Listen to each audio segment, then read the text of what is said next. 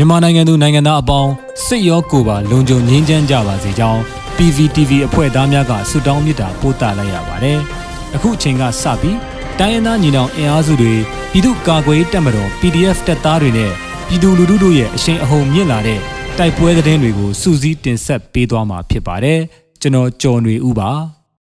ပထမဆုံးအနေနဲ့ရန်ကုန်မန္တလေးအမြန်လန်းကံကောင်းရဲကင်းတဲ့စခန်းကိုမိထီတာခရိုင်၄မြို့နယ် PDF တပ်ပေါင်းစုစီးနင်းတိုက်ခိုက်လို့ရဲ၃ဦးသေဆုံးပြီး၅ဦးဒဏ်ရာရတဲ့တဲ့တင်ကိုတင်ဆက်ပေးပါမယ်။မန္တလေးတိုင်းမိထီလာမြို့နယ်ရန်ကုန်မန္တလေးအမြန်လန်းရှိကံကောင်းရဲကင်းတဲ့စခန်းကိုမိထီလာခရိုင်၄မြို့နယ်တပ်ပေါင်းစုကတိုက်ခိုက်ရာရဲ၃ဦးသေဆုံးပြီး၅ဦးဒဏ်ရာရရှိကြောင်းဒေသကာကွယ်တပ်ဖွဲ့ကသတင်းထုတ်ပြန်ပါတယ်။ဒီဇင်ဘာလ9ရက်နေ့နနက်အစောပိုင်း12:15မိနစ်အချိန်မှာ ကံကောင်းရဲကင်းနှင့်စခန်းကိုမိထီလာခရိုင်၄မြို့နယ် PDF တပ်ပေါင်းစုကဝင်ရောက်စီးနင်းပြီးဖောက်ခွဲတိုက်ခိုက်ခြင်းဖြစ်ကြောင်းသိရှိရပါတယ်။ကံကောင်းရဲကင်းတဲ့စခန်းဟာရန်ကုန်မန္တလေးအမြန်လမ်းမကြီးမိုင်တိုင်293နှစ်ဖာလုံးမှာတည်ရှိတဲ့ရဲကင်းစခန်းဖြစ်ပါတယ်။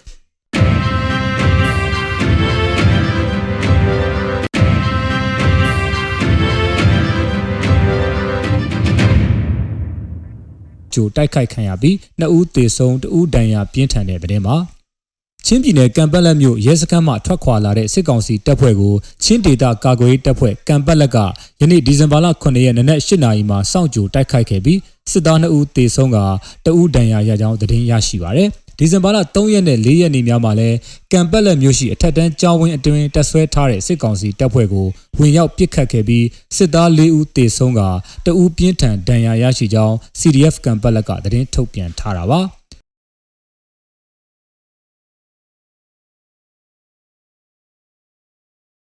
ဆက်လက်ပြီးတထုံထုံးပူကြီးကြေးရွာအနီးစစ်ကောင်စီစစ်ကြောင်းမိုင်းဆွဲခံရပြီးနှစ်ဦးသေဆုံးနှစ်ဦးခြေထောက်ပြတ်တဲ့တဲ့တင်ကိုတင်ဆက်ပေးပါမယ်။မွန်ပြည်နယ်တထုံမြို့နယ်ထုံးပူကြီးကြေးရွာအနီးမှာစစ်ရေးလှုပ်ရှားလာတဲ့စစ်ကောင်စီစစ်ကြောင်းကိုဒီဇင်ဘာလ6ရက်နေ့မှာ KNL တပ်မဟာ1အဖွဲ့ဝင်များတထုံပြည်သူ့ပျောက်ကြား TPG တထုံမျိုးပြအထူးစစ်စင်ရေးအဖွဲ့တို့ပူးပေါင်းပြီးမိုင်းဆွဲတိုက်ခိုက်ခဲ့ရာစစ်သား2ဦးသေဆုံးပြီးအခြား2ဦးမှာခြေထောက်ပြတ်ဒဏ်ရာရကြောင်း TPG ကသတင်းထုတ်ပြန်ပါတယ်။ ကရင်မျိုးသားအစည်းအရုံး KNU တပ်မဟာ1နယ်မြေထုံးပူကြီးကြီးရွာနီးနယ်မြေကျွံဝင်လာတဲ့စစ်ကောင်စီစစ်ကြောင်းတစ်ခုကိုဒီဇင်ဘာလ9ရက်နေ့မှာ KNL နဲ့တထုံကာကွယ်ရေးပူးပေါင်းတပ်ဖွဲ့ကမိုင်းဆွဲတိုက်ခိုက်ခဲ့ပြီးစစ်သားတအူးတေဆုံးက2ဦးဒဏ်ရာရကြောင်းသိရှိရပါတယ်